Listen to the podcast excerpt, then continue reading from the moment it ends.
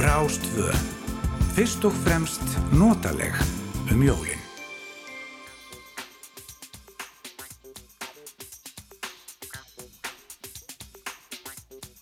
Komið þið sæl og blessuð. Þá leggjum við að stað hér á Rástvö í þættunum fram og tilbaka og ég heiti Felix Bergsson.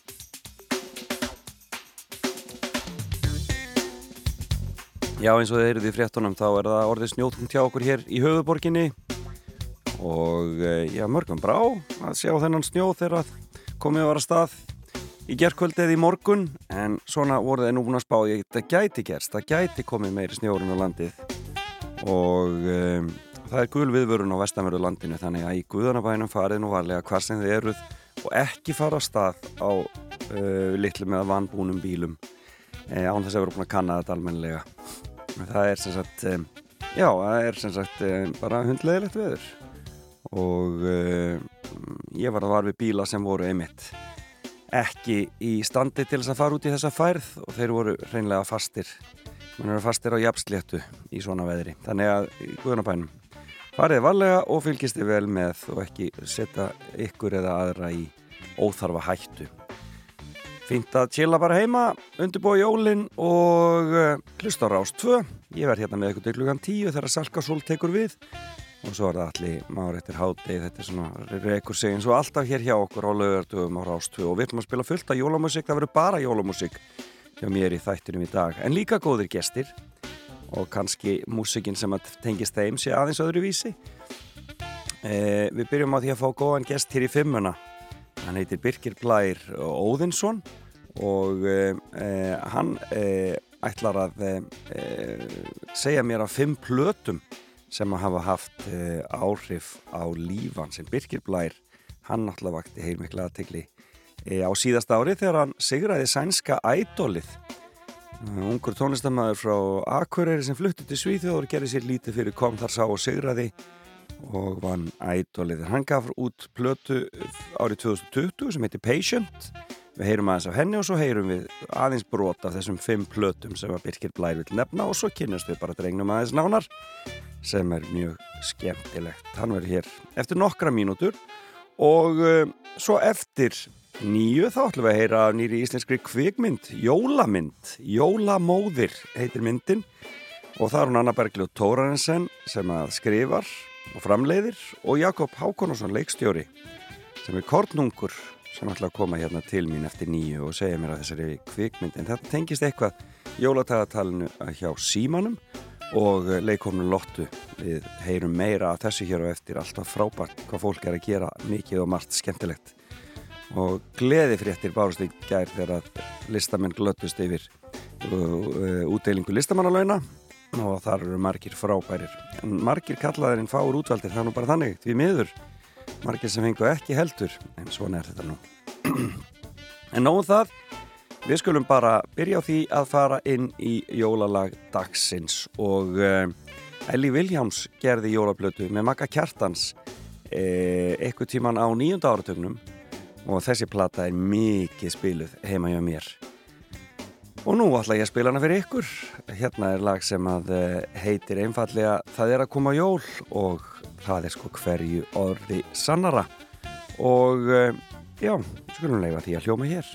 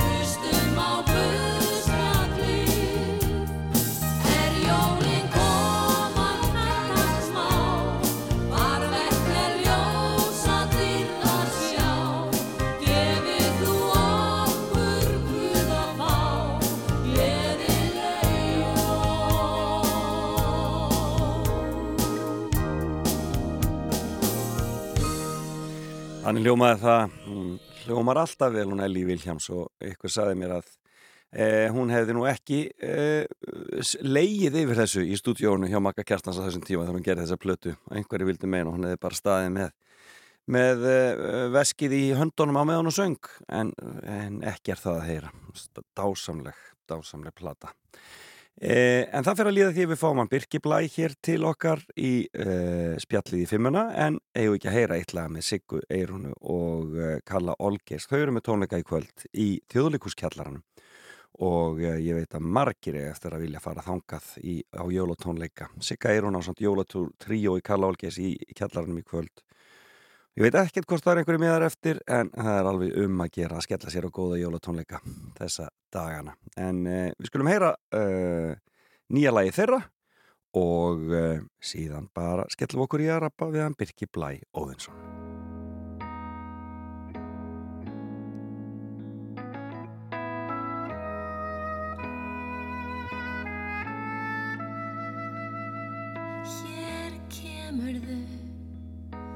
inn í mína drauma hér dvelur þau.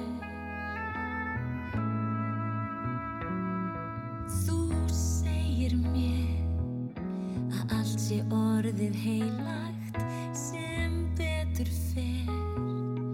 Þú og ég mætum heiminum sá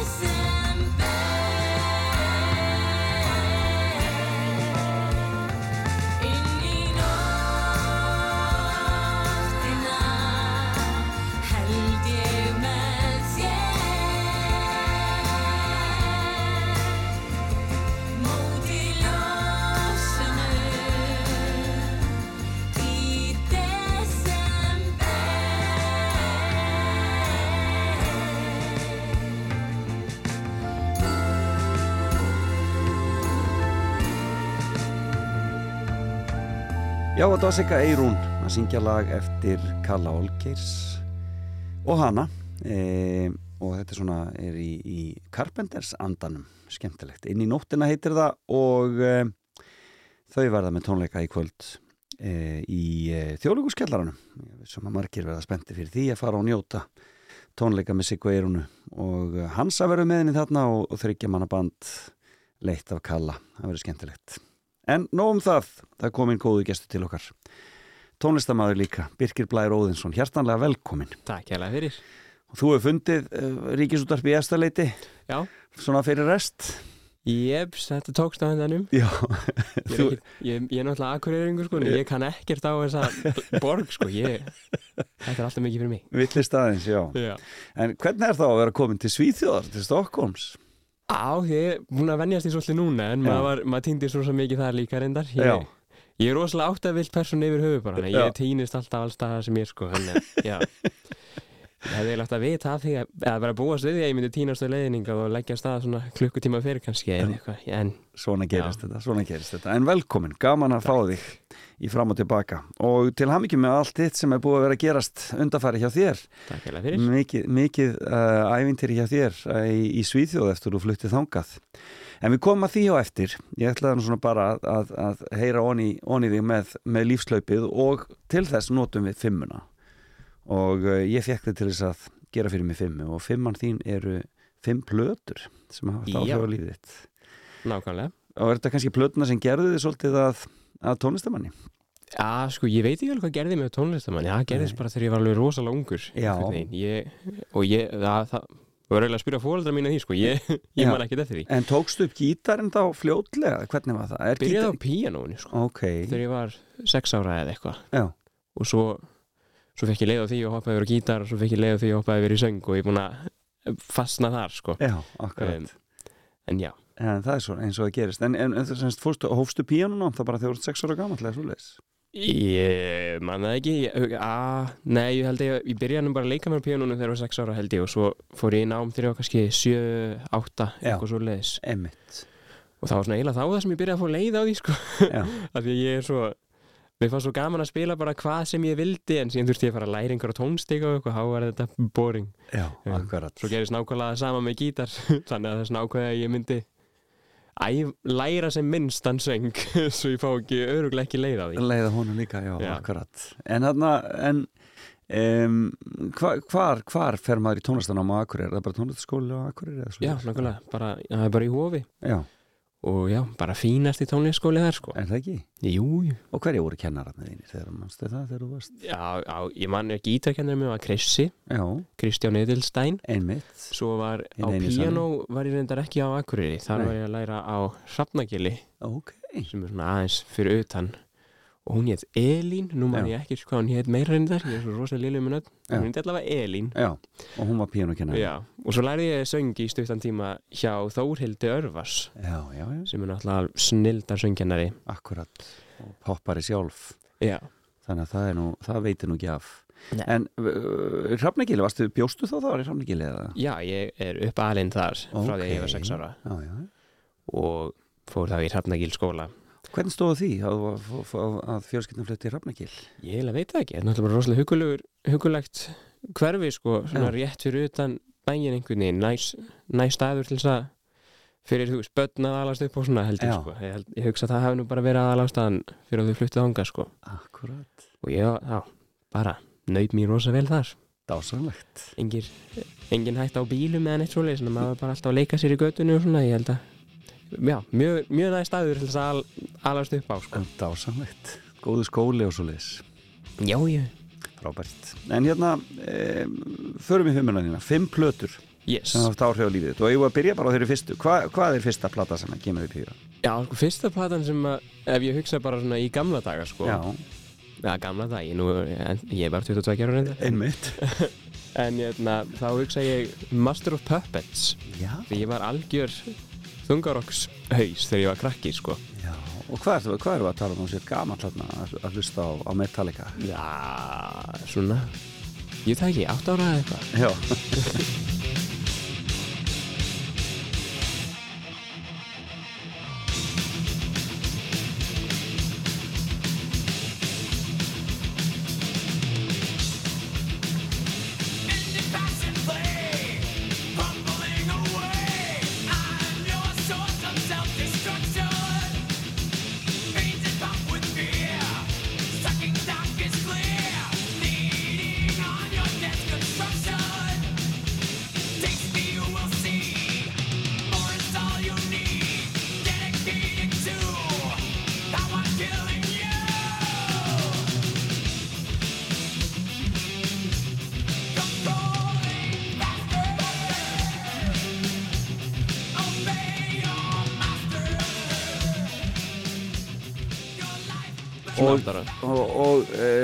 hvað var það við Metallica sem að kveikti svona í þér?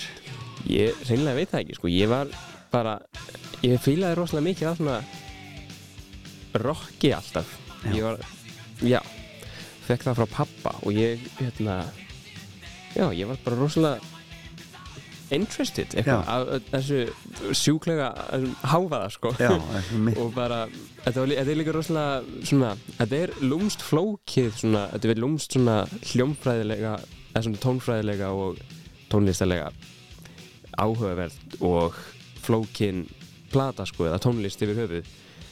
Og ég, já ég veit ekki, þetta er, þetta er pínu svona þetta er svona pínu tengt við klassíska tónlist einhvern veginn, svona eins og svona bara Mozart og þannig á köflum. Og ég náttúrulega, áður en ég hlusta á Metallica var ég bara hlusta á Mozart og Beethoven sko. Já, ég skil þig. Þetta er pínu svona eins og Beethoven nema bara með alveg sjúklegu ramaskíturum Já, svona með störtlegum gítariffum sko. Já, En Metallica leikar náttúrulega daldið melodískir Það kannski skiptir líka máli. Já, nákvæmlega. Og ég hef alltaf verið rosalega melodískur líka. Já. Þannig já, það var bara eitthvað sem heitlaði mig við þess, þessa tónlist sko. En það hefur aldrei farið út í það hefði langað til að gera svona harðari, harðari rocktónlist? Jú, og við gerðum það, ég Já. og bræðinni Við stofnum þungar á sljómsveit Ok, Beasts of Odin. Það er almennilegt. Já, við erum allir Odin sinir Auðvitað og hálgera skeppnur Já. en hérna já, og við gengum alveg að dálítið og já, það var alveg rosalega skemmtilegt tíumbil hjá okkur Það sko. bara sem börn að aldrei þá rauninni. já, ja, já, nákvæmlega þetta var, ég, litli bróðum mér var á trommum og stóri bróður á bassa og stærsti á, var að syngja og ég var gítarleikarin Þannig þið eru fjóri sem sagt já, og þetta var bara, litli bróðum mér var bara 6-7 ára eða eitthvað þarna á trommunum sko þetta var rosalega skemmtilegt En tímabil. skemmtilegt, skemmtilegt Hver er pappi ykkar? Uh, Jón Óðinn Vóge heitir hann Já, kallaður Ódi, júdó þjálfari. Einmitt. Yfirlega kallaður Ódi júdó bara og, um, Og er sjálfur þá músikant eða svo les? nei uh, alls ekki sko. Nei, en- en hann, er, hann er rosalega tónlistar áhuga samur Ég skil. Hann, hann er alltaf á kafi að finna finna nýja tónlist og svona. Já. sem er, þannig að maður fær rosalega mikið af góðum tips frá honum á svona nýja artista eða svona einhverja underground hljómsveitur og svoleið sem að engin veit hvað er einhvern veginn. Akkurat. En hann, ekkit, hann fór ekkert í tón, tónlist sjálfur hins vegar. En bræðið þínir þrýr, hafa þeir farið eitthvað að staðin í tónlistinu líka? Já, sko, við fórum allir í tónlist á, á tímabili. Já. en, og uh, þrýr af okkur heldust það sko, en einn fór yfir í helst meira í íþróttum. Ok, sem sagt Óðinn, eldri bróður minn, hann er, hann er í íþróttum. Já. en síðan er litli bróður minn og eldri bróður minn eru ennþá í tónlist, litli bróður minn er prodúser og uh, eldri bróður minn er óperusöngvari. Býr út í Belgíu og starfar bara starfar núna sem óperusöngvari og er að fara að taka masters. Prófið í því bara. Frábært, hvað heitir hann? uh, Jóhann Freyr hann, já, Jóhann Freyr Róinsson Já. kallaður Jói. Já. um, Jó, óperusöngvari. Jeps, en já, Þannig að músikin hefur verið svona og var mamma ykkar líka þá á kafi músik eða hvað? hún er söngkona þannig að Já, ég já. hugsa þetta komið mikið frá henni, ég veit um þetta ekki Jói er á aðra mömmu sko en þá fellur þetta svolítið dettur í sundur þessi Já. kenning hjá mér en ég veit ekki alveg hvað mér fá með þetta en Akkurat, dásanlegt En það hefur semst verið mikil músik í kringum ykkur alltaf tíð alveg rosalega Hvað heitir mamma þín, söngkonan? Elvi Já. Elvi Guður Hinsdóttir og hún er í sem sagt kór sem heitir Hymnodía sem er stjórnað af Eithóri Inga Jónssoni sem er stjúpappi minn Já, einmitt þannig að ennþá meiri tónlist Þannig að það akkurat, þetta er mikil, þetta er mikil fjölskyldu samsetning og, og, og mikil músik þarna í kring, en skemmtilegt dásanlegt. En þetta var semst Metallica og hún er búin að Já. hljóma hérna aðeins undir og meðan vorum að ræða þetta. En hvað er næsta plata sem að síðan svona kemur til þín? Já, síðan myndi ég segja Multiply með honum Ed Sheeran Já. sem er önnur platan hans Og þér var náttúrulega líkt við hann á tímabili, svona þegar þú varst að koma fram hérna, þegar þú kemur fram í landanum og eitthvað svona, Já. varstu svolítið í svona Ed Sheeran stílnum. Það var með það, það hafði nefnilega þau áhrif á mig að ég byrjaði að syngja sko. Já, það var Ed. Sheeran Já. og þannig að ég hljómaði svolítið mikið eins og Ed Sheeran svona þegar ég var að koma fram fyrst því að hann, það var basically hann sem kendi mér að syngja sko, Já, hann, akkurat. ekki skrítið en, Þannig að frasýringarna voru svolítið í hans stíl og svoleiðis. og ég tók mjög mikið af hans lögum líka og svo leið sko. En það var hann sem kom mér út úr bara þessu endalösa rocki sko. ég, þá fór ég að hlusta á aðeins fjölbreyttari tónlist meðal annars pop þá eins og, eins og hann var að gera. eins og hann. Mjög mikið svona singer-songwriter tónlist og svo leiðis Akkurat. Og byrjaði þá að syngja og semja og svo leiðis Og hann sem sagt kvatti þá eigið þú veist að, að, að, að svona hans saga hvetur þið til að fara að gera slikt þess saman. Hann er svolítið svona self-made. Hann er svona sjálfur bara fer og Já, gerir sko. það var mjög ins inspiring sko. hann svona bara svona að dugnaður pays off. Já, bara að vera, akkurat. vera duglegur og allt það sko. Já, akkurat. Sem nákvæmlega sem hann gerði. Já, náttúrulega, þetta er náttúrulega bara einhver hérna, svona rosalega venjulegur, ekki svona stjörnu típa einhvern veginn sem, a, Já, sem að tók samt að verða bara stærsta stjarna í heiminum sko, bara á dugnaði sko, þannig að það er svolítið, það er mjög inspiring það svona sýnir bara svona, þú þarfst ekki að vera einhver Beyoncé eða eitthvað til þess að komast á toppinn sko frábært Já, hann er hann alltaf, já, hann er svona hann er svona bara rauðhæru tjalli sem bara fór og gerði Já, sitt bara. nákvæmlega. Já, skemmtilegt. Þarna e, og e, e, svona í kjölfara því er það þá sem þú gerir plötuna þína þarna, Já, þessa fyrstu. Já, einhvern tíma í kjálfærið því allavega. Já, um, hún, hún kemur hvað? Já, hún kemur, hún kemur undar út bara 2020 eða eitthvað. Við náttúrulega byrjuðum að vinna í henni. Hún er náttúrulega Já, bara bara upp á fönnið sko, bara ég og lillibróður minn alveg 2000 ætlum við ekki byrja 2018 eða eitthvað. Já, planið var ekkert að gera plötu sko, sem bara áraður bara, já, gefum þetta stöf út maður. Já það var bara svo leiðis Já, en, Og þá er, er hann þá farin að vinna í því að vera upptökustjóri á þeim tíma eða farin að huga því? Hann, hann er byrjað að prodúsa þá sko. Já, og hann, við prodúsum þá plö, alla þá plötu saman sko. Já. og hann er rosalega rithmísku nefnilega. Og ég er rosalega melodískur þannig að þetta vinnum vel saman af því að ég, ég á erfitt með trommur og hann á erfitt með hljóma. Eða ekki erfitt, en bara svona Nei, nei, finnst, það ekki, finnst það ekki jafn skemmtilegt þannig að þegar við komum saman þá erum við svona eitt góður prodúser í staðin fyrir tveir sem að nenni ekki ákveðnum hlutum know. Og er þá bróðin að vinna meira með rapsennu og svoleiðis? Já, nákvæmlega hann er meiri í því núna Já. í hiphopinu Og hvað heitir hann? Hreitnóri, Hreitnur Jóðinsson yes og er, og er að vinna 2003. og er hann að vinna aðalega fyrir norðan þá? Já, bara fyrir norðan sko uh, Já, Og er, hvernig er tónlistasennan á Akureyri þessa dagana? Er, er mikið Ég- í gangi? ég bara, ég reynilega veit það ekki sko Nei. Það hefur aldrei verið eitthvað rosalega mikið í gangi sko Nei. af því að það, það er náttúrulega bara ekki sérlega mikið af fólki en, en það hefur alltaf verið samt, allt svona nokkri sem að sem að poppa upp sem eru í tónlist og þá hefur alltaf verið alveg st mikil stöðningur undir Já. það fólk sko Akkurat þú veist, það er alveg passað upp á það að það sé hægt að vera tónlistamár á Akureyri sko, Já. að allavega að komast eitthvað að framfæri sem er næs. Sannlegt, já, Robert Heyrðu þriðaplatan, uh, Það það, það var hann hérna Kendrick Lamar eða ekki? jú, To Pimp a Butterfly. Ok, sem er, uh, þetta er jazz rap plata. Ok. Uh, jazz hip-hop. Og það, það komur svolítið inn í hip-hop yfir höfuð sko.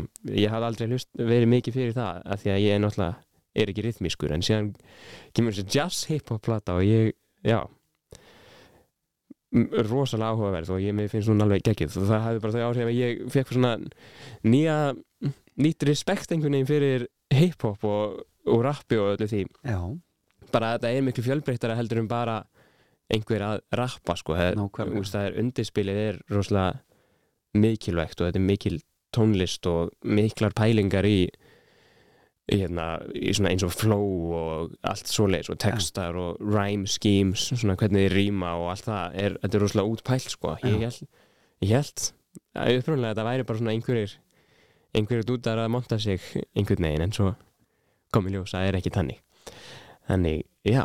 Dásanlegt Hvað myndum maður að spila ég spilaði? Eitthvað skemmtilegt af, af To Paint a Já, Butterfly? All Right er til dæmis ætla það sé ekki svona vinsalsta lægi á plötunni. Brilliant.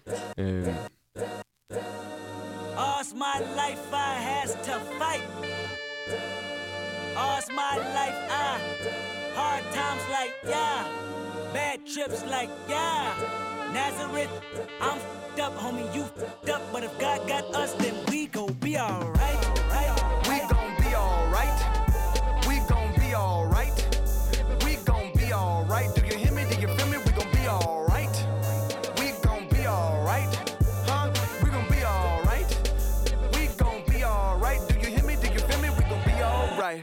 When I wake up, I recognize you looking at me for the pay cut. Bahamas, I be looking at you from the face down. One Mac 11, even boom with the bass down. Skimming, now let me tell you about my life. Painkillers only put me in the twilight. We're pretty Benjamin is the highlight. Now tell my mama I love her, but this what I like. Lord knows. 20 of them in my Chevy, tell them all to come and get me. Reaping everything I sow. So my karma come in heaven, no preliminary hearings on my record. I'm a gangster in silence for the record. Uh.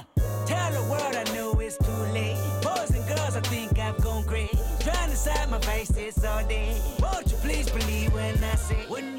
Já, þetta er kendilega lamar af plötunum to Paint a Butterfly sem er þriðja platan í fimmunni hans Birkis Blæs Óðinssonar sem að situr hérna hjá mér. Fyrsta platan var Master of Puppets, svo Multiply með Ed Sheeran og svo þessi To Paint a Butterfly með uh, Kendrick Lamar og uh, já, þetta er, þetta, er, þetta er stór skemmtilegt. En sko platan þín hva, hvernig, hvernig fylgdur hann eftir úr sliðis þegar hún kom hann 2020? Uh, ég fylgdi henni ekki neitt eftir. Nei, Já, bara þú sendir hana bara, COVID, sko. já, bara, já alveg rétt, svo kom bara bara- COVID, Það var bara nákvæmlega. skall COVID á og ég bara hún gerði mikið neitt í því sko. Nei, akkurat, Ekkert að í hún, búið að gera. þannig að hún fekk bara að, að lifa það sem hún var. Já, nokkvæmlega, Já. það er ekkert.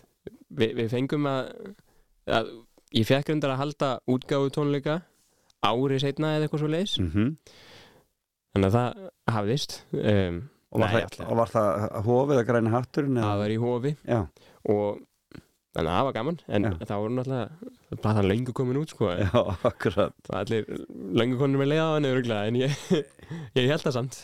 Um, þannig, já, það er eina sem að okkur tókst að gera sko. Það var náttúrulega bara tvö ár þarna, beint eftir þessa plötu sem voru bara alveg í hakkinu sko. Nákvæmlega. Skulum heyra Patience sem er titilæð af plötunni. Yes.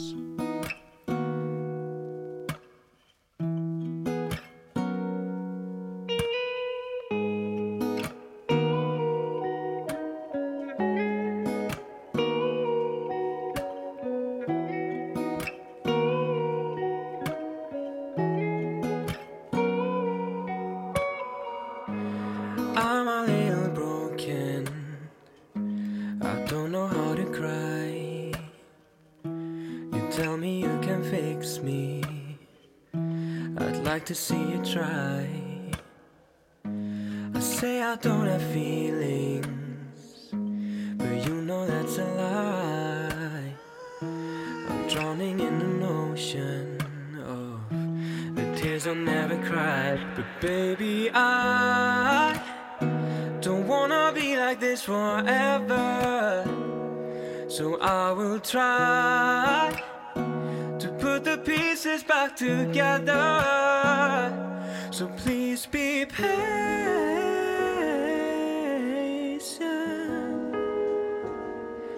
Please be patient.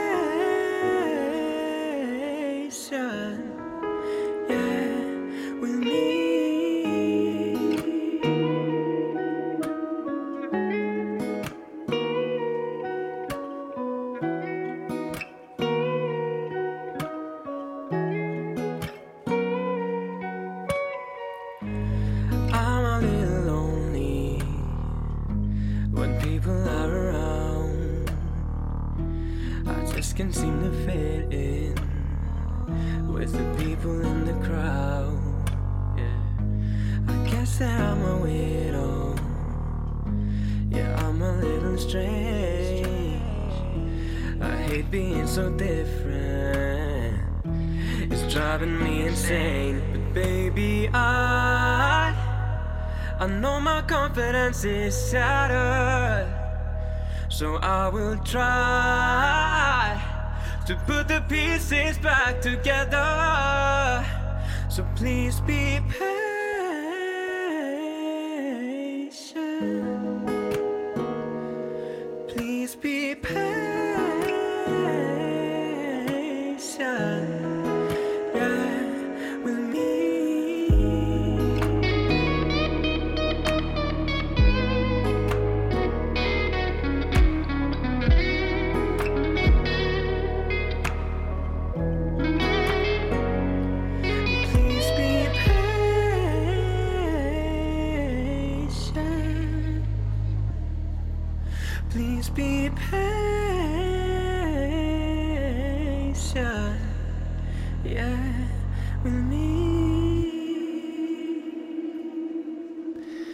Þetta lag heitir Patience og er titillag af fyrstu og einu sóluplötu Birkis Blæs Óðinssonar sem að situr hérna hjá mér. Og um, þetta er flott lag. Takk fyrir það. Þarna um, núna eftir út flutti Svíþjóður hefur eitthvað verið að íta þessu stöffi áfram? uh, Nei, ég reyndar ekki. Nei, en fór þetta að fá svona að- meiri aðtegli samt svona eins og á, Já, á, sko. YouTube og svoleiðis? Algjörlega, á Spotify sérstaklega. Þetta fekk svona, að því að það kom náttúrulega út að þetta hérna, win, winner song Já, eftir keppnina og þá hérna, þá rúluði inn alveg helviti mikið streams á það Já. og þá fe- fengu hina svona fylgja með svolítið. Nákvæmlega. Um, en já, ég hef ekkert mikið gert með þessa plötu sko, ég, ég er komin svolítið frá henni núna einhvern veginn svona í- tónlistalega séð. Ég skil ég er það sem sagt ég er meira í soul tónlist núna sko. Ok, þannig ég er bara búin að vera að fókusa á að gera nýja tónlist sko í staðin fyrir að vera að íta undir endilega gamla tónlist sko. En svo við tökum þetta aðeins tilbaka. Þú semst ferð í tónlistanám til Svíþjóðar, er ekki rétt hjá mér? Nei, það er alveg Það er bara, já, hvers vegna fórstu til Svíþjóðar? kærasta mín fór í nám Já, ég- þannig var það. svo býr pappi minn í Svíþjóðu nú þegar sko. Ok, og þannig að ég hérna, svo er þetta rosalega tónlistaland líka þannig að ég hugsaði að það væri bara geggjað plan að flytja bæði til Svíþjóðar og hún fyrir að þetta nám og ég fyrir að reyna að gera tónlist þar eitthvað hver er, hver er kærastan þín? Rannveig heitir hún hún er að læra þetta er einhvers konar svona ég veit ég, þetta er náttúrulega ekki til á Íslandi en, og ég man ekki hvað það heitir á sænsku ég, en þetta er sagt eitthvað svona þau læra svolítið um umhverfið og svolítið svona global warming og svoleiðis hluti Já. og þú veist læra sem sagt að eins og byggja borgir og svoleiðis sem eru meira sustainable og svo þannig sko sem er náttúrulega Það er svona einhvers konar umhverfisfræði í rauninni þá, eða umhverfisverkfræði eða eitthvað slíkt. Já, eitthvað, eitthvað svoleiðis. Já, en það er náttúrulega sem er náttúrulega stórt dæmi í Svíþjóð sko þannig að hún fann þarna nám, dásan nám þar. Þannig að þú fóst ekki nám, ég var búin að taka því alltaf þannig að þú hefði farið í tónlistanám en, þú, en, en, en síðan bara sækjurum í ædólið Já. og þeir hafa ákveðið að hafa ædól þrátt fyrir COVID og þrátt fyrir allt vesenið Já, það er rétt slapp sko. En það, þetta kom þarna á svona þryggja mánuða rólegu COVID tímabili. Já. þannig að við vorum, að, við vorum alveg það var rosalega mikið reglum og svona sko. Já. en það var ekkert, það var ekkert alvarlegt COVID út í gangi reyndar og síðan skall það á bara beint eftir ædol þannig að þetta rétt, við, okkur rétt tókst að hafa þetta rétt vel Akkurat, og þetta var en þetta hefur verið mikið æfintir að kynnast þarna bara tónlistabransanum í Svíþjóð bara næstu því eins og hann læði sig. Mm, á Algjörlega, einu bretti bara. Það var náttúrulega alveg styrlað dæmi sko, ég, já. Og þetta er sem sagt nú 2021 hvað Mhm. að hausti eða? Þetta er bara í lokárs. Lokast 2021, já, sem fyrir ári síðan. Já, bara nánast stjætt á síðan þetta kláraði sko. Já. Og hérna hvernig var þetta segir þetta var þú, þú fóstu bara í fyrir svona fyrsta próf? Já, og, nákvæmlega. Maður bara mætti hérna og fekk söng hérna eitthvað fyrir þau til þess að fá svona gullmiða til þess að komast inn og rosalega vandarlega því að ég kunni náttúrulega ekki orði í sænsku sko. Já, akkurat. Ég þurfti að vera að læra sænsku menn ég var í þessu öllu saman. Já, og en já, svo er þetta bara skref eftir skref bara vona maður kemst lengra sko og já, og bjóstu þá í Stokkólmi þannig eða býr, búið í Stokkólmi við búum í Stokkólmi núna en við byggum, þá bjó ég í Gautaborg reyndar en já, svona meðan ætlur í gangi þá bjó ég bara á hóteli í, Stokkólmi sko, já, akkurat. Sem var áhugavert og hvernig virkar þetta síðan? Er þetta, þetta er alltaf live útsendingar eða hvað? Eða Já, þú veist, fyrst, fyrst er þetta ekki live af því að það eru náttúrulega bara svo sjúklega margir Já, sem eru að taka þátt sko. Einmitt. það tækir svolítið langan tíma að vera að senda live útgáfu af einhverjum þúsundum manns að syngja sko. akkurat en hérna, síðan síðan þegar það eru bara á, þegar það er bara svona 20 eftir eða eitthvað þá byrja live send, sendingin sko. og síðan eru top 13 sem eru þarna í hverri viku sko. Þannig að Og- þetta voru hvað fjóra-fimm vikur sem þú varst alltaf á lögutaskvöldi já, þetta var bara þrý, þrý mánuður eða eitthvað samanlagt sko, Já, sem hérna. ég var þarna hverri viku. Og fegstu þá tilfinningunum fljótlega að þú ættir möguleika á að vinna þetta? Alls ekki sko. En það ég var líka alveg ósýnilegur í byrjun. Ég var Já. svolítið óheppin með að ég, fekk, ég var ekkit í sjónvarpinu. Já, Ég veit ekki hvort það hafi ok. verið að því að ég talaði ekki sænsku eða eitthvað svo leiðis en þá hefði þurft að setja texta á mig og svona eitthvað En já, ég var ekkit með sko Þannig að ég var alveg ókunnugur þegar ég þegar þetta byrjaði almennilega þegar live-sendingarnar byrjuði sko. Já, Þannig ég held að ég væri bara alltaf bara að fara að þetta strax út sko því enginn vissi hver ég var en síðan gekk þetta bara helviti vel ég svona líka, Já. svona líka og hvað, voru það, var það einhver eitt dómari eða frekar en annar sem svona, þú náðir sambandi við Já, ég er í svolítið, ég er í svolítið miklu samskiptum við hérna kallana Já. þá tvo, af því þeir eru svona sól-duttar og, hvað- ég er náttúrulega sól-söngvari og hvað heita þeir? Anders Bagge heitir einn þeirra. Einmitt, Og svo mjög frægur, mjög frægur rosalega stór. Já, já, og hann er hann lagasmiður sem að skrifaði fyrir Celine Dion og alls konar. Janet Jackson og eitthvað svona lið í gamla dag og síðan hérna Alexander Krúnlund heitir hinn. Og hann, hann er lagasmiður skrifað fyrir Ariana Grande og, og eitthvað svona frækt lið. Og hefur eitthvað orðið að því að þið getið unni meira saman og svo leis? Nei, við hefum ekkert unnið saman sko en við bara, þeir hafa bara svona hjálpað mér að bara svona já, bara svona peppað mig einhvern veginn og svona útskýrt hvernig hlutinni virka og bara svona verið til staðar einhvern veginn sko. Frábær en já, það hefur alltaf verið á planinu að vinna saman eitthvað en það bara, þeir eru rosalega uppteknir náungar og báðið með bullandi ADHD og gleyma alltaf öllu sem þeir öllu sem þeir plana sko þannig að það er mjög erfitt já, akkurat, já En hvað hefur gert síðan eftir þetta? Það er ári liðið, ertu búin að vera að vinna í ferlinum þá? Já, ég er bara búin að vera að semja endalust og svo bara að gigga svona hér og þar. Já, er svolítið að gig, er Já. svolítið, svolítið um það Já, það er svolítið og sem er skemmtilegt fyrir mig að því að ég fæ þá að skoða landið aðeins. Ég Já. hafði náttúrulega bara verið í Gautaborg og Stokkólmi, sko. En ég fengi að fara eitthvað þarna í norður, norður hlutan og svona. Heldur þá tónleika undir í þínu eiginafni eða, eða ertu með öðrum eða hvernig virkar þetta? að misjamt, en yfirleitt verður þetta verið einhvers konar svona bæjar festivals og Já, þannig, sem já. ég er svona sem sagt eh, gestur Já.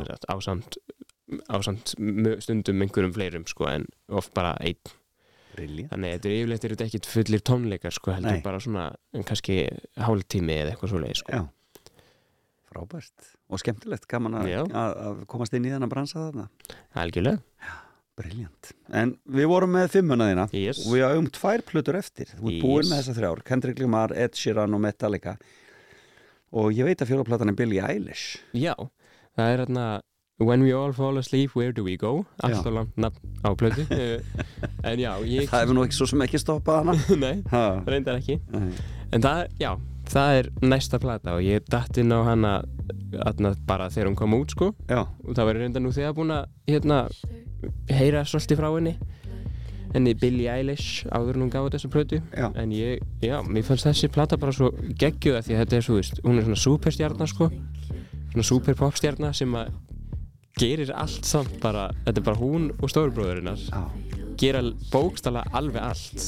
Eins og ég, Bara svona í svefnibergi eiginlega bara. Nákvæmlega, bara allt alveg sjálf og er ekkert að fá einhverja hjálp sko að því að þú veist það er ekkert pointið með tónlist að vera eitthvað endilega að reyna að vera eins catchy og þú mögulega getur eitthvað þannig. Það er ekki það sem þau trú á sko. þau trú á að það er sko það snýst um honesty og tilfinningar og svoleiðis en þá, þá virkar ekkert að vera eitthvað að blanda hellinga fólkin í þetta. Nei, akkurat. Og mér varst bara áhugavert þetta er svona fyrsta sem ég hef séð af svona af svona superstjórnu sem er svona alltaf í útvarpinu og svona þannig manneska sem er bara doing their own thing sko, ekkert að taka neitt ekki, að hugsa þetta of businesslega einhvern veginn eins og margir aðrir sem eru svona á þeim á því leveli sko. Geggjaðu poppari, algjörlega geggjuð sko. Æðislegt, já, skemmtileg plata, frábært. Uh, og uh, finnst þér að það að hún hafi verið inspirasjón fyrir þig skilur í því sem þú ert að gera? Algjörlega sko. Bara, bara svona að því leiti sérstaklega að bara hún er, þú veist, bara að gera það sem að henni finnst cool sko. Það sem- þarf ekki að halda sér inn í einu einu einni tónlista stefnu eða neitt svoleiðis, ég meina, þú- maður heyrir alveg í sumum lögum heyrir maður alveg svona inspiration frá jazz til dæmis og svoleiðis.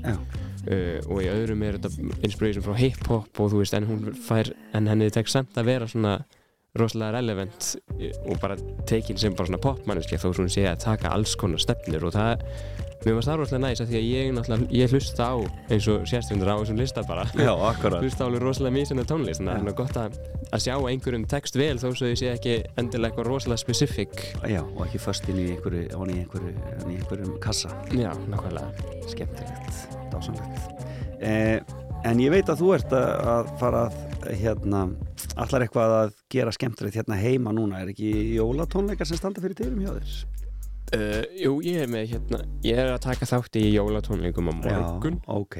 Uh, fyrir, með hérna kór, vox, eitthvað. Þetta voru eitthvað já, þetta eru svona jólatónleikar í hérna Gráskirkju Já, já, það var svona eitt með rosa fínum kór og hljómsveit. Já, og það, ég fæ að vera gestur þar. Frábær og síðan er það hérna, Senst á lögataskvöldi þá eða hvað? Já, Já. já, Einmitt. og, eða setni part og síðan er ég að halda tónleika á Græna hattinum 2009. Já, já, desember. Með hljómsveit á með hljómsveit líka. Og það er náttúrulega ekkert jóla, það er jólin búinn uh, en hérna en já, ég er rosa spenntið fyrir því líka. Þá fæ ég að, þetta er svona pínu svona idol tónleikar, ég fæ, tek svo rosalega mikið af lögum sem ég tók þar og svona. Frábært. Og já, Þannig að það verða stóri tónleika 2009. DS á græna. Yes. Það er æðislegu tónleikastæður já, algjörlega.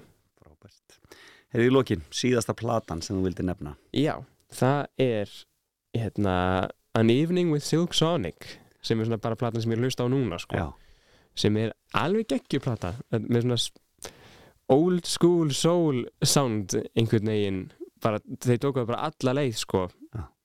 og það er uppáhalds tónlistastefnum mín at the moment sko, það er svona tónlisti sem ég stefna á að gera það er svona svolítið í þeim stíl svona soul tónlist og já, mér finnst bara það það hefur svo eitthvað gert eitthvað svoka mikið það hefst eitthvað mikið láhrif á mig bara fyrir það að ég elska þessa plötu og er að hlusta mér mikið á hana núna sko en, Bruno já. Mars og Anderson, Anderson Park já, meira áttar Hvað er framhaldið hjá Birki Blæ og Óðinsinni? Hvað Það er gerist næst? gefa út eitthvað af þessu sem ég er búin að vera að semja í, yfir síðasta árið Dásanlegt, og ætlar að vera áfram í Svíþjóð? já, það er planið og bara halda áfram að gera mitt þeng og Já.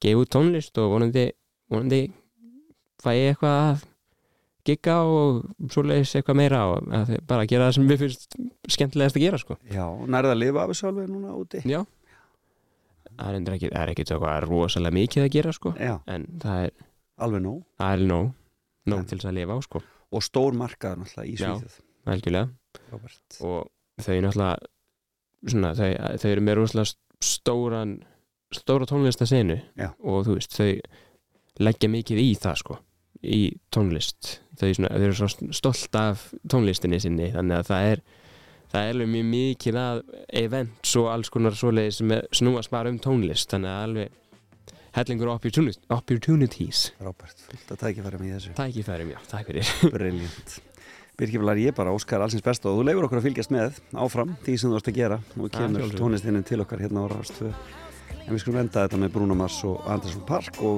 kæra þakki fyrir komuna í framhaldi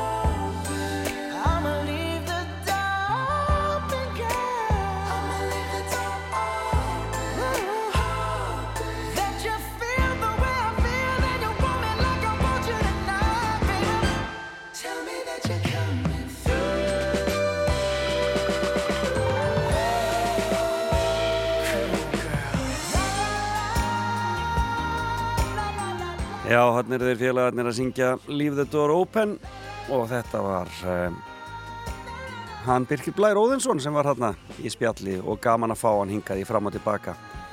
En það var ein mistök hann hjá mér. Platan heitir Patient, ekki Patience og lagið Patient, ekki Patience. Svo það sé alveg á hreinu. Ef þið er að leita að honum Birkir Blær, til dæmis á Spotify eða á YouTube, þá heitir platan sem sagt Patient. En við óskum honum allsins besta í framhaldinu og vonum að eh, já, ferillinni eftir að ganga vel í Svíþjóð.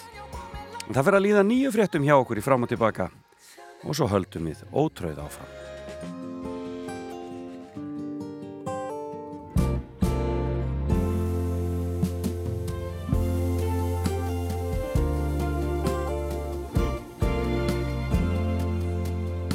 Þau koma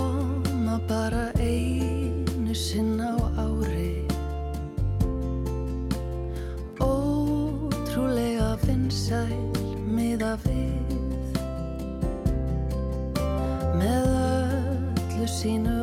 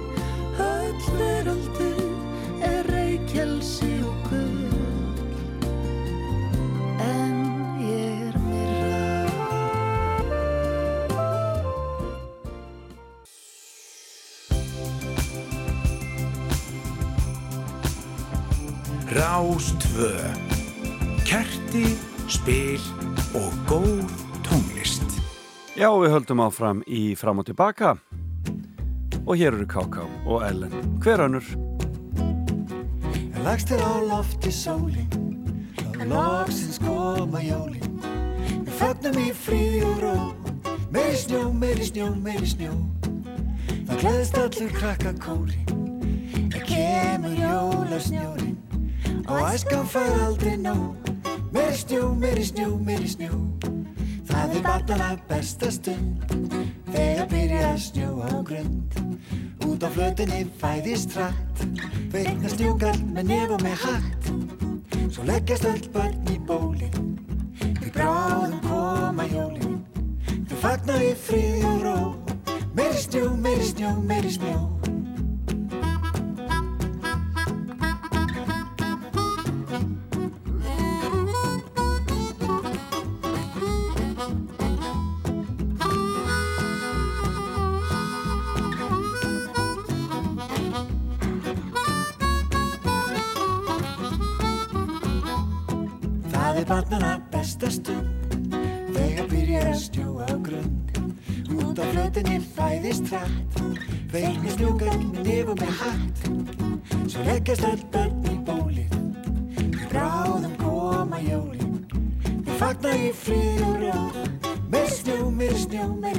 Það gleðst allir krakka kórin Það kemur jólasnjórin Og æskan fær aldrei nóg Meiri snjó, meiri snjó, meiri snjó Það er barnana besta stund Þegar byrjar að snjóa á grund.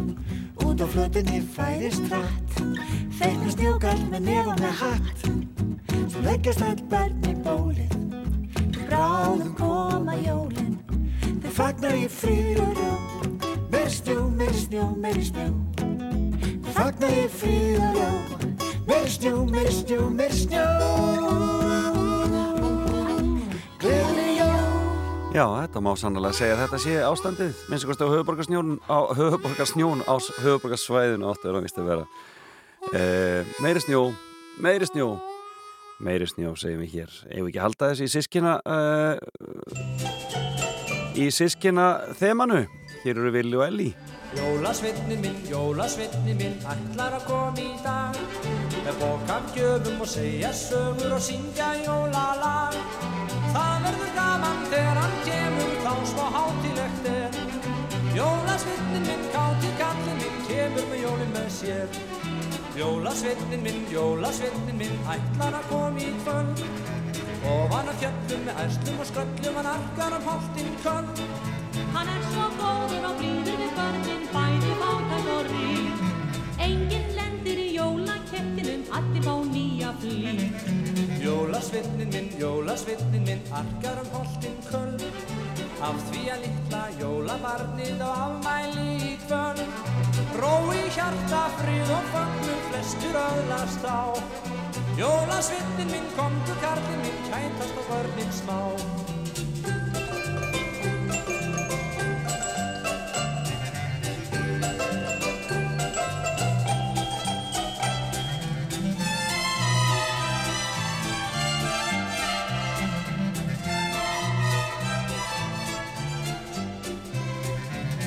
Jólasveitnin minn, jólasveitnin minn, ætlar að koma í dag.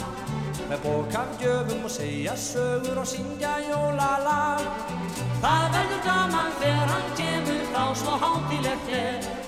Jólasveitnin minn, káti kallin minn, kemur með jólin með sér.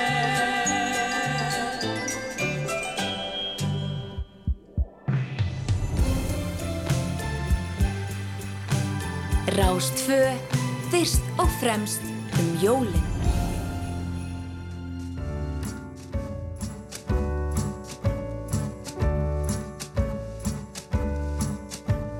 Dagar eru stuttir í desember, dálti mikil tími í amstur fer, svo mikið um að vera og margt að sjá, margir er á hlaupum þér komið á yfirspinn og ekki virðist næja dagurinn, findu þá sóf og flegðu þér, fylgstu svo vel með hvað ég segi hér. Þú skalt anda inn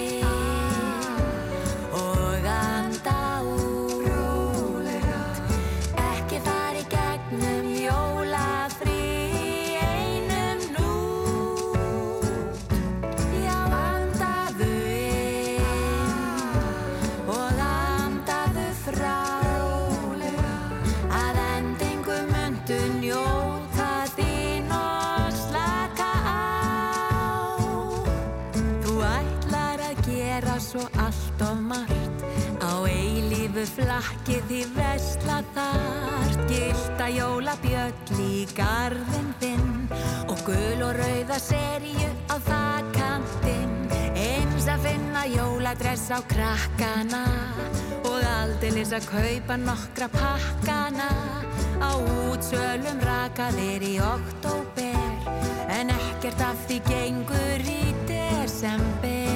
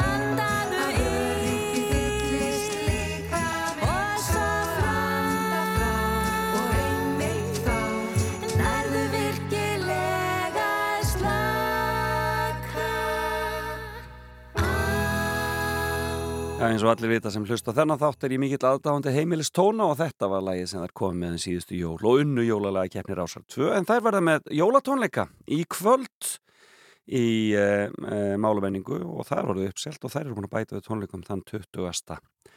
sem er á þriðdagskvöldið e, og þar ætlaðu að ætlaðu að flytja lög af plötu sveitarina ruggl góð jólalög snillingar heimilistónar En við erum komið góða gesti hinga til okkar í eh, fram og tilbaka. Anna Bergljóð Tórensen og Jakob Hákonarsson verið hjartanlega velkomin til mín. Kæra þakkir. Takk fyrir það. Og uh, til hamingjum með allt sem er í gangi hjá ykkur þessa dagana. Það er, við bara fyrir bara að sketta okkur beint í það, frumsynning á nýri jólamynd á Þorlagsmessu. Hugsaði þið. Anna Bergljóð, hvað gerist eiginlega? Nákvæmlega. Ég bara stundum veit það ekki. Þetta einhvern veginn lætist pínlítið aftan á okkur. Já, Og þó, búið að vera kannski byggjast upp í nýju ári eða eitthvað. sko er þetta, sko þið, þið eru með uh, þessa jólasýningu, þetta, sko þetta tengist leikofnum lottu. Já, það er svolítið mikið leikóbrun Lotta sem stendur á baku þetta. Já, en þetta er samt ekki beint. Ekki leikofnum. beint leikóbrun Lotta. Nei, Nei. Við, við eigum okkar svona annað sjálf um jólinn sem við köllum jólasveina.is Já, einmitt. og svona allt jólatengt efni fyrir svolítið þær í gegn og Já. þar vinnum við svolítið mikið með fólkinu upp í gríluhelli grílu, leppalúða, jólasveinunum og öllu því liði sko þannig að hérna við sagt fáum svolítið að græfa í þeirra sagnarf og, og nýta þau svolítið um jólinn og það erum við að fara að gera í þessari bíómynd líka. Nákvæmlega. Og, er, sko, og þetta varð að jóladagatali Já, sko við, hjá símanum. Já, við erum búin að núna í nýju ár við erum að jóladagatal. Fyrstu sjö árin var það bara á YouTube. Já. Hurðaskellur og skjóða eru búin að föndra sko held ég næstu í 200 þætti að bara gera jóluföndur til þess fyrir krakka að hérna horfa á og, og fóruldra að föndra með og í fyrra og hérna fórum við síðan á sjónvar Símans með hérna jóladagatal í samstarfi við samgöngustofu líka Já, já. og það var svona umferðar já. jóladagatal. Svo fengum við þess að hérna framlengdansamning, gerðum jóladagatal aftur fyrir sjónvarp Símans núna í fyrir þessi jól, sem er náttúrulega í fullum gangi núna Einmitt. og það er þess að verkefni uh, er alveg svona sjálfstætt það er hérna handritshöfundunum sjálfur mér var ekki sett hann einn á skorður eins og að koma umferðarreglum fyrir eða eitthvað svo Akkúrat, heldur, heldur máttu við bara búa til ævintýri Já. og núna þetta varði einhvern veginn það stórt og mikið að þetta breytist í bíómynd Já, einmitt. Þannig gerist þetta. Já. Og það er myndin Jólamóðir sem Já. ætlaði að frumsýna núna. fjölskyldu ævintýra mynd Jakob, þetta er, þú veist, hókin á reynslu, þetta er hvað, 15. myndin sem það er? Ekki svo gott, þetta er mín fyrsta Þetta er þín fyrsta, já, til hamingju með það. Takk fyrir það, Kjalla Og eins og Anna Begga er búin að rifja upp hvernig, svona, hvernig þetta laumaðist einhvern veginn í, í bíó er rauninni einmitt svo ástæðan fyrir því er eh, að hluta til að, að einhvern veginn áhugin að búa til bíó og búa til bíó úr þessum, þessum heimi, þessum sögu heimi sem, sem, að, að Anna Begga og fleiri hafa verið að vinna að svona lengi Já. og taka hann einhvern veginn á, á stóra skjáin, hvita tjaldið Hver er sagan í þessari mynd? Um, það fyrir svona eftir hversu þröngt þú vilt fara í það en það, ef maður fer mjög vítt þá er þetta saga um, um mjög svona eh, hvað segir maður, um, dysfunctional á lélegri íslensku fjölskyldu sem, að, hérna, kann ekki alveg að haga sér og er að reyna, reyna sitt besta enga síður sko Já. Bæði út á við og einhvern veginn inn á við í fjölskyldunni. En síðan, síðan er þetta um í rauninni að mestu tröllasískinin hurðaskell og skjóð sem að, sem að fara í, í svona sitt ferðalag bæði um, um samband sitt og, og líka fysiskt. Og, og svo er þarna er gríla að spila stort hlutverk í, í því einhvern veginn að reyna að kenna þeim en, en, en text að ekkert endilega alltaf rosalega vel Nei, og meira fyrir á köflum. Hvernig gríla er, eh, grílan ykkar, Anna Begga? Grílan okkar? Já, er, Um, þetta, er þetta mjög vond gríla?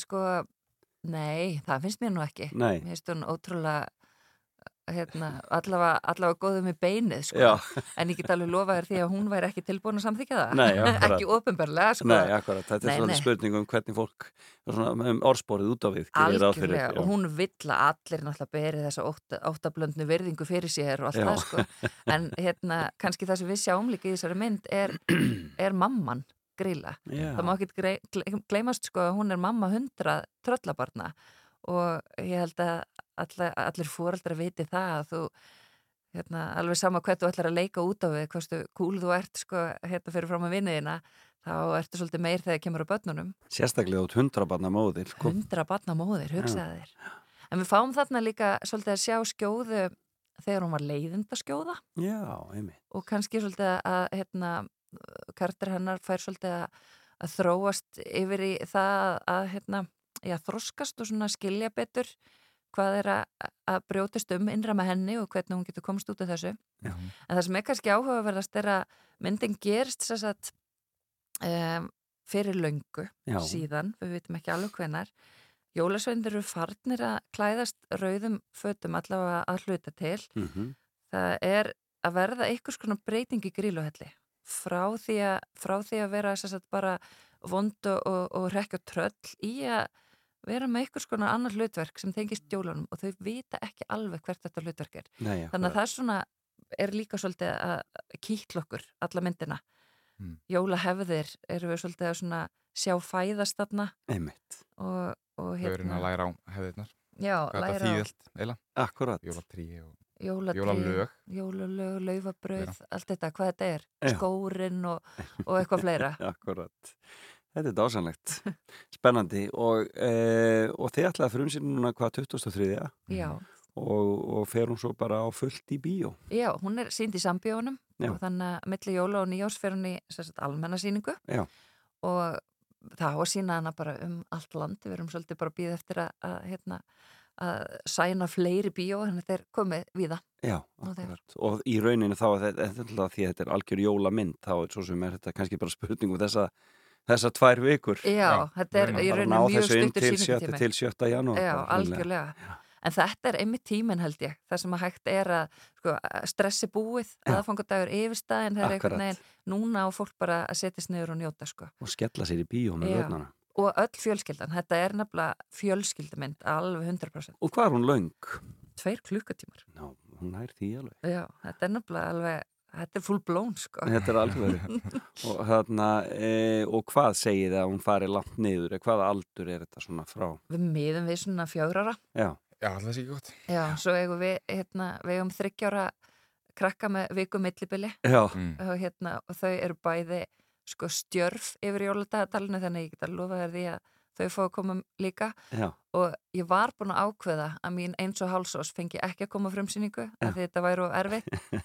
En hún er sko með við hvað hún öskrar mikið á sjónvarpið þegar við kveikjum á sig þá fær hún að koma með Já, það er svoleiðis, já, akkurat og bara kallar á þetta sko. Þannig að hérna, en nei, við miðum við fjárara Miður fjórara, fjórara og upp úr fjórara og alveg upp úr sem Já, bara upp í 114 Nákvæmlega. Erum við þá gjöruglega Já, við erum öruglega, já, þá er það öruglega komver en skemmtilegt. En það, er, en, það, er meira því að þið hafi líka verið með hérna, jólaháttíðina er það, heitir það Guðmundalundur Já, við erum með ævintýri í jólaskógi upp í Guðmundalundi sem er hvar, er það upp í heiðmörk ekki ekki? Þetta er við Vassanda, þetta er sem sagt hérna, þú kerir hinum einn við, við vatnið. Já, já, einmitt. Þannig að þetta er ekki alveg að vera upp í, í heiðmörkinu sko.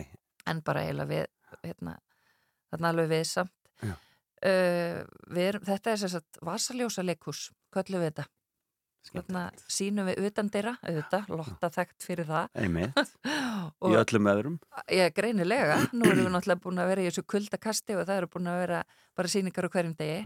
Það er nú betra viður, verði að við kynna inn í skóginum, sko. Já, já. Það verður alltaf einhvern veginn svona hlýrra og kyrrara Já, og hérna, og þarna já, kemur fólk bara eftir að dimmir. Við byrjum að sína þegar að rökkrið skellur á. Þess vegna er mikilvægt að hafa vasaljós. nákvæmlega Og svona, uh, þarna fyrir fólki í hálgerðan ratleik í gegnum skógin. Akkurat og leitar að þinnum ýmsu vættum Já, við erum þetta með grílu og leppalúða, það er alltaf jólasveinar á svæðinu Já. og svo sýstur þeir að skjóða og rófa þeir skiptast á að vera þarna og segja þess að jólasögur inn í. Dásanlegt. Þannig að þetta er alveg, alveg geggja líka. Já, en það er svolítið gaman, þetta, er þetta, er, eru, þetta eru kvennkaraktera líka, þetta er ekki bara þessir kallkaraktera sem jólasveinir eru og, Já, svo, og, svo, og svo hérna gríla. Já, þetta er hérna, það er náttúrulega ekkert kallægara næstu heldur en þessu jólasaga okkar sko, með þessum akkurat. 13 köllum og Já, jú, jú, þarna er ein mamma sem að fekk eitthvað að flækjast með sko, Já. en hún á meiri sér En kall hún er að eiginlega eins og kall sko þannig Já, að- við, sko. Nei, það er svolítið langt síðan að skjóða fekk svolítið stórt hlutverk hjá okkur og hérna hún Andra Ösp Karlsdóttir fór svolítið í þann leik með mér að að glæða hana lífi. Lífi, akkurat. Þannig að hún er búin að vera til hjá okkur held ég að verða svona, ef ég segi 12-15 ári eða eitthvað. og alltaf að stækka. Hún náttúrulega, ég hef skrifað uh, leikrit fyrir hana í held ég núna tíu ár sem hún er að ferðast um á milli skóla og leikskóla og, og jólaböll og, og fleira. Já. þannig að hérna, það er alveg persóna sem að krakkarnir þekkja mjög vel. Já. Og með þessari bíómynd sem við fórum síðan af stað með núna þá stækkuðu við svolítið katalógin það má einmitt, hún gríla á hundraböld þannig að það er nóg að taka. Og þá fá, fengu við mitt hérna, stelpunar að skína svolítið skærar hérna, litla rófan hennar sem er yngsta batnið, hún, hún verður þarna til og Tása sem býr í töfrahellinum hún hérna, byrtist líka og, og Bóla, auðvitað sem að margir þekkja. já. þannig að hérna, já, þetta er svona við erum svolítið að reyna að, að draga fram líka stelpunar í gríluhelli því að það er vissulega eru þarna og, og eru alveg skemmtilegar og strákarnir sko, þó að þekka þær ekki jafn vel. Dásanlegt Jakob er stress fyrir frumsýningu? Uh, ekki ennþá. Nei. Me, Meiri spenningur en stress. Uh, en, Sex dagar í þetta? Já, nákvæmlega. Uh, Það, er, sko, spenningur fyrir því að, að heyra hvernig fólk tekur í þetta og, og hérna og hvað fólk sér og, og einmitt svona, maður fær einhvern veginn aðra sín á eitthvað sem maður er búin að vera að stúsast í í nýju mánuði. Já. þannig að þetta er einhvern veginn, já, miklu meiri, meiri, spenningur heldur en stress á þessum tímpúti ef við spinnum setna, kannski, kannski verða annað. Við erum svolítið montin á þessu. Það er Dásamlegt. bara, getum heil ekki beðið eftir að fleiri að sjá. Dásanlegt Ég segi bara poi poi. Takk fyrir. Þetta verður, þetta verður stórskemmtilegt og ég vissum að, að þjóðan átt er að flikkast í bíó. Vonum það. Gleðileg jól. Gleðileg jól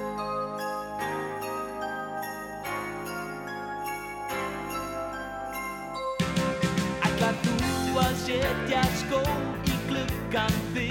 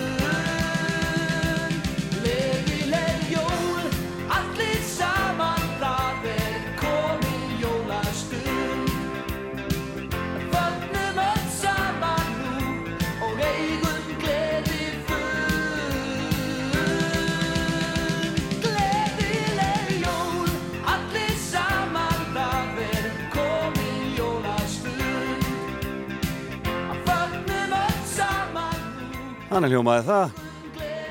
Gleðileg jól allir saman, syngur Egilur Kristjánsson og eh, já, það verður spennand að sjá hvernig hvort að þjóðin flikist ekki í bíó til að njóta jólamóður eh, á eh, jólunum. Það verður já, gaman að fá íslenska jólamynd. Það vantar ekki. Rástfö í hátíðarskapi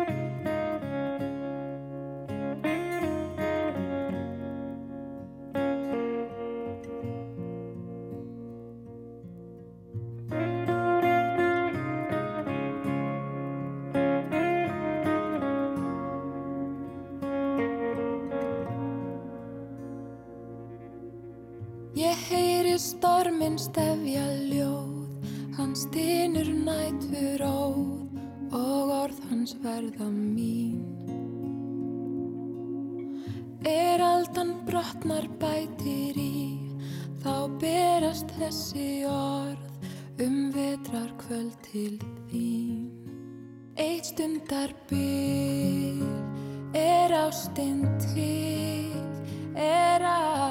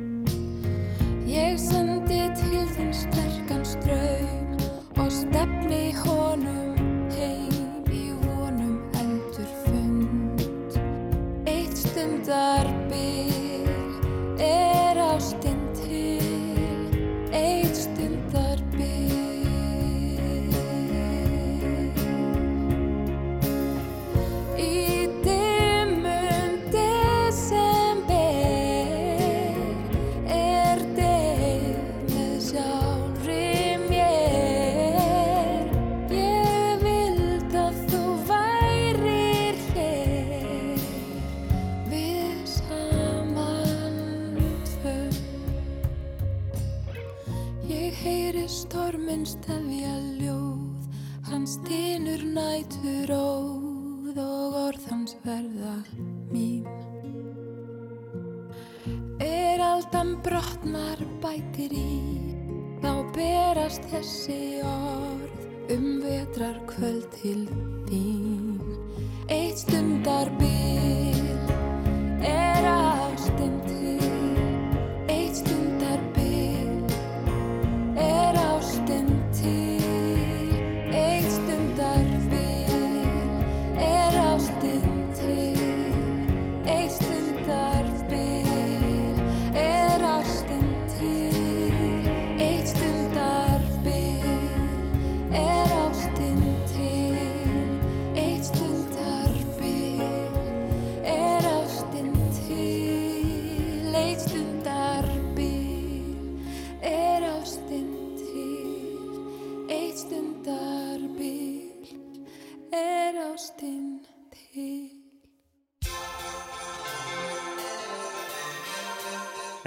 aldrei vel gert. Hildur vala þarna og eh, eitt stundarbil. En hérna er Christmas Vacation.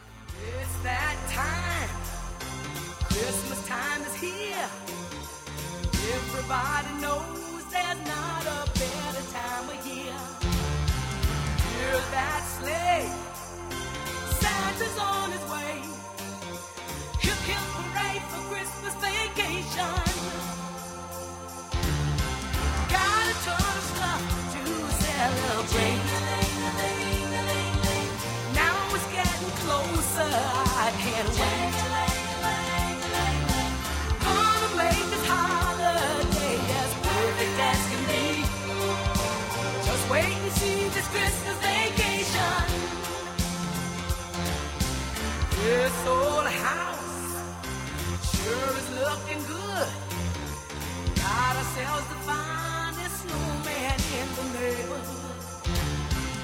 Ain't it fun? Always on the run. That's how it's done on Christmas vacation.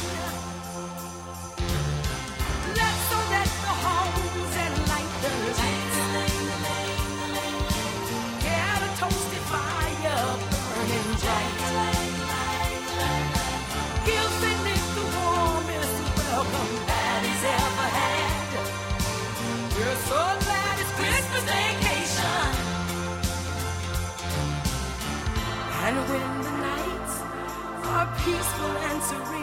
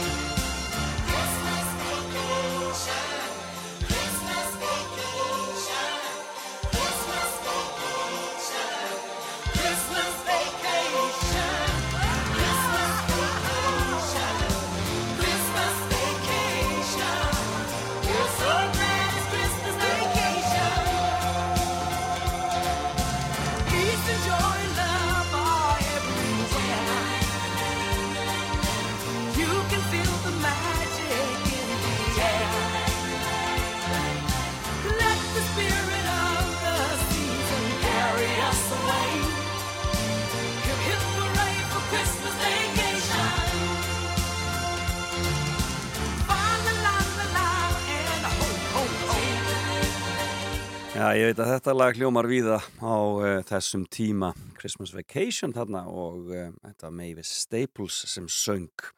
En það eru, um, þetta með samgöngunar, það eru víð úr skorðum hér á söðu-vestanverðu landinu vegna veðus og lokaðir um helliseiði þrengsli og krísuvíkurveg, ófært um Mosfellsheiði og kjósaskarð og víða er ófært í kringum Selfoss á milli Víkur og Kirkjubæðaklaustus og ekki verður opnað á næstunni Það sem mikið verk verður að reyðja sangkvæmt upplýsingur frá vegagerni. Þetta er nú upplýsingar sem ég hef af rúf.is og við munum öruglega heyra þessu hér í fréttum og eftir en Guðunabænum ekki fara á stað nema að þið séuð á vel útbúnum bílum og fylgist vel með veðusbáni.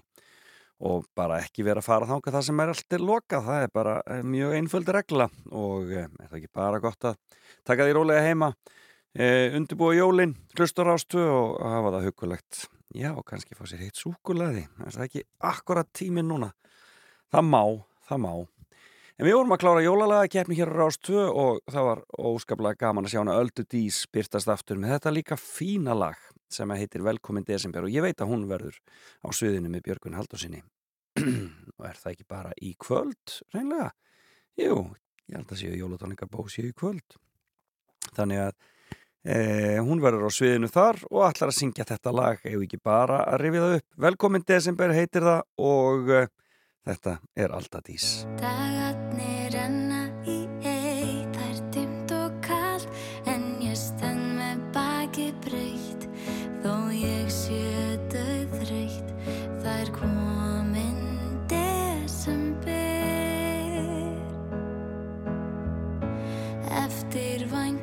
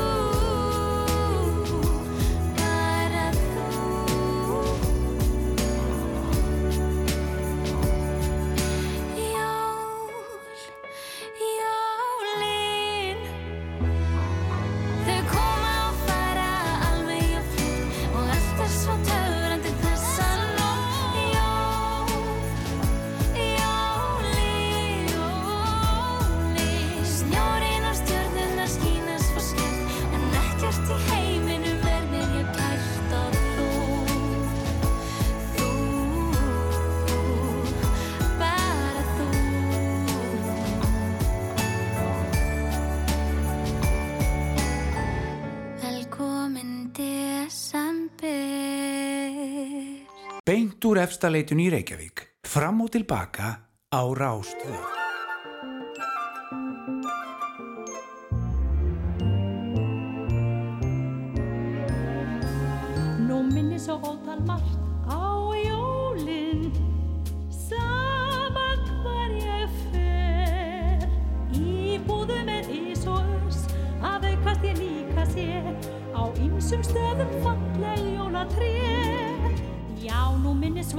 mamma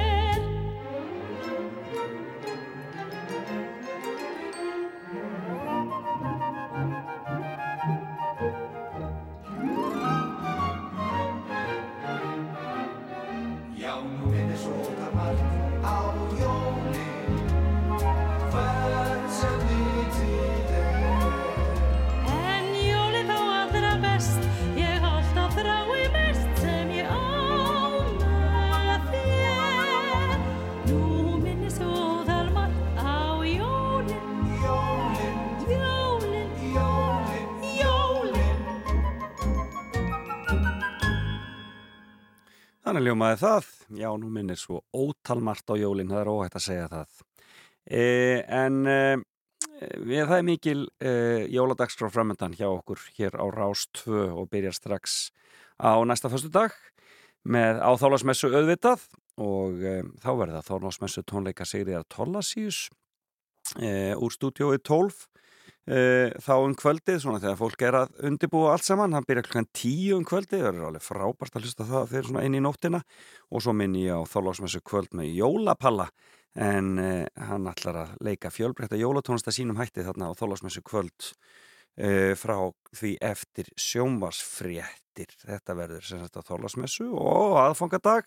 Eh, þá ætlar eh, Matti að sita hér í minn stað og uh, taka fram og tilbaka en uh, því að ég fæ að vera með henni Gunnudís eftir hádegið í þætti sem að já, ég hef stjórnað í nokkur ár til, oftast með Margreti Blöndal e, þáttur sem heitir Ilmandi í eldúsin og þar ætlum við að taka á móti góðum gestum og vera með ykkur svona meðan þið eruð að e, brúna kartölurnar og, og smakka til sósuna e, á aðfangadag. Þetta verður eftir hádegið á aðfangadag. E, síðan verður jólastund með Magnúsi R. Einarsinni og svo verða þau Gíja Holmgestóttur og Sigur Þorri Gunnarsson með okkur á aðfangadagskvöld á Rástvö og leika ljúfa jólatónlist fram, fram á nótt eins og vera ber. Og á jóladag e, þá verður Rúna Róbersson sem verður hérna með okkur e, að morgni dags. Og síðan er það Gíja Holmgestóttir eftir hádegið með þátt sem heitir Jólaandin og svo ætlar eh, Friðrik Ómar að eh, draga fram síkilda jólatóna í blandi sögur að skemmtilegu fólki í, í huggulegum hátíðaþætti klukkan eh, tvö á jóladag. Eh, jólatónleikar Sigriða Tólasíus verða síðan eh, eh, endurfluttir þarna á jóladag og, og svo komaðu Rósa Birgitta Ísfeld og Andri Freyr á jóladag og verða með okkur. Þannig að það er mikil jóladagskrár framöndan hjá okkur uh, á Rástvö. Þannig að fylgist þið vel með því og uh, verið endilega með okkur og njótið þess að hlusta á ljúfa jólatóna. Og við ætlum að halda þeim hér áfram. Hér er nýtt lag frá Rakel Pálsdóttur sem hefur vakið mikla aðtegli til dæmis í söngakefninu undanfærin ár. Alltaf alveg við það að komast alla leið. Þetta lag heitir Jólaveröld Vagnar og ljómar bara nákvæmlega svona. Hér er Rakel Páls.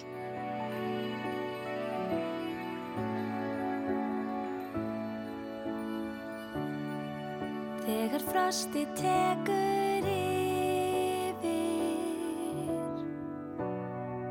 og um faðmar hverja stund Vetur svæfir allt sem lifir Veröld hvílir sig um stund. En í myrkrinu Djúpu frostinu ætíð fæðist þessi galdur sem ég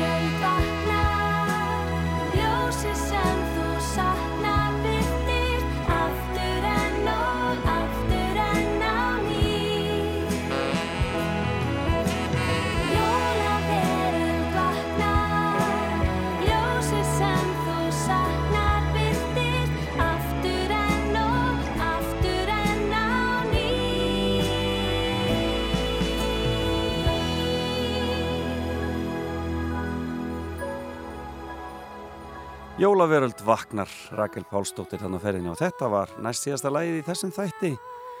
Eh, þakka ykkur innilega fyrir samfélgina þennan morgunin ágætu hlustendur og ég þakka gestum mínum góðum. Birkir Blær Óðinsson kom hér til mín og það var gaman að kynast honum og fá hann hér í spjall. Fimmann hans, fimm plötur sem að það hefðu áhrif á lífans og þið getur fundið þáttinn og viðtalið við Birki Blæ núna inn á netinu bara mjög fljótlega, hann verður komin eftir tíu mínu kortur eitthvað svo leiðis og svo auðvitað inn á líka e, streymisveiturnar. E, og svo var hún Anna Breglu Tóraðinsen og Jakob Hákonarsson hérna hjá okkur. En e, Jólamóðir, nýja kvikmyndi þeirra verður frumsýnd núna á Þorlásmessu en Felix Bergson þakka fyrir í dag, gaman að vera með ykkur. Heyrumst aftur á aðfangadag eftir nákvæmlega viku og þá eftir hátegi í þættinum Ilmandi Eldursunu en bless í byli Rástfö Það snjóar bara og snjóar.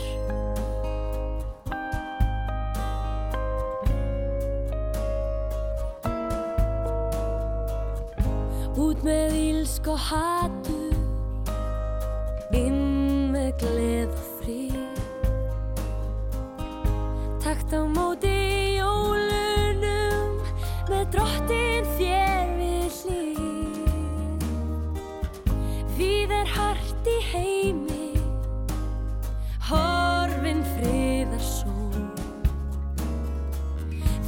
Þar